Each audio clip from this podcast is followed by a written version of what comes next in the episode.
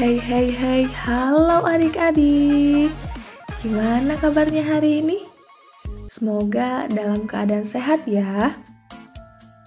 Sebelum mendengarkan podcast ini, coba adik-adik rapihkan dulu tempat duduknya. Kemudian, persiapkan alat tulisnya. Setelah itu, dengarkan podcast ini dengan baik-baik. Tapi jangan lupa untuk berdoa terlebih dahulu ya.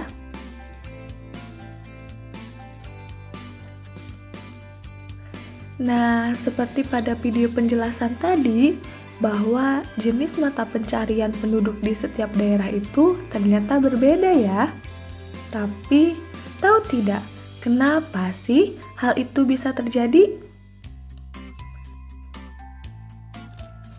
Nah, Jenis mata pencaharian penduduk di setiap daerah bisa berbeda karena disebabkan oleh keadaan geografis, sosial, maupun corak budaya masyarakat yang berbeda, di samping dengan kemampuan atau skill dari masyarakat itu sendiri.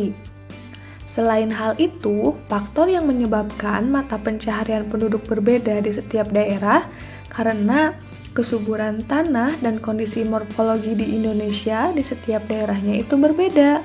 Sehingga biasanya masyarakat cenderung memanfaatkan kekayaan alam di sekitar daerah tempat tinggalnya.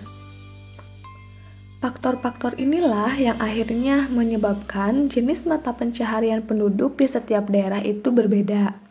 Nah, contohnya misalnya di dataran tinggi, seperti yang kita ketahui jika di dataran tinggi itu kondisi alamnya lebih e, cenderung bersuhu sejuk, kemudian tanah yang subur dan banyak sekali lahan-lahan pertanian yang bisa ditanami oleh berbagai jenis tanaman. Nah, karena hal ini banyak sekali para masyarakat yang ada di dataran tinggi memiliki mata pencaharian sebagai pekebun, kemudian sebagai petani sayur-sayuran, dan lain sebagainya.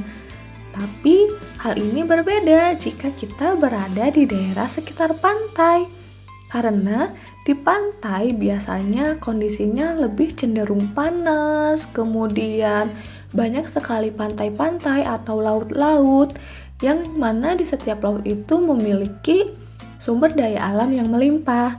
Sehingga untuk memanfaatkan hal itu banyak masyarakat di sekitar pantai yang memiliki mata pencaharian sebagai nelayan, petani tambak, ataupun petani garam.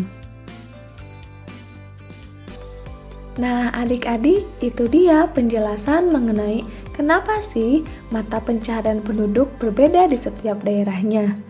Semoga bermanfaat untuk kalian semua. Sampai jumpa di pembelajaran selanjutnya. Bye bye.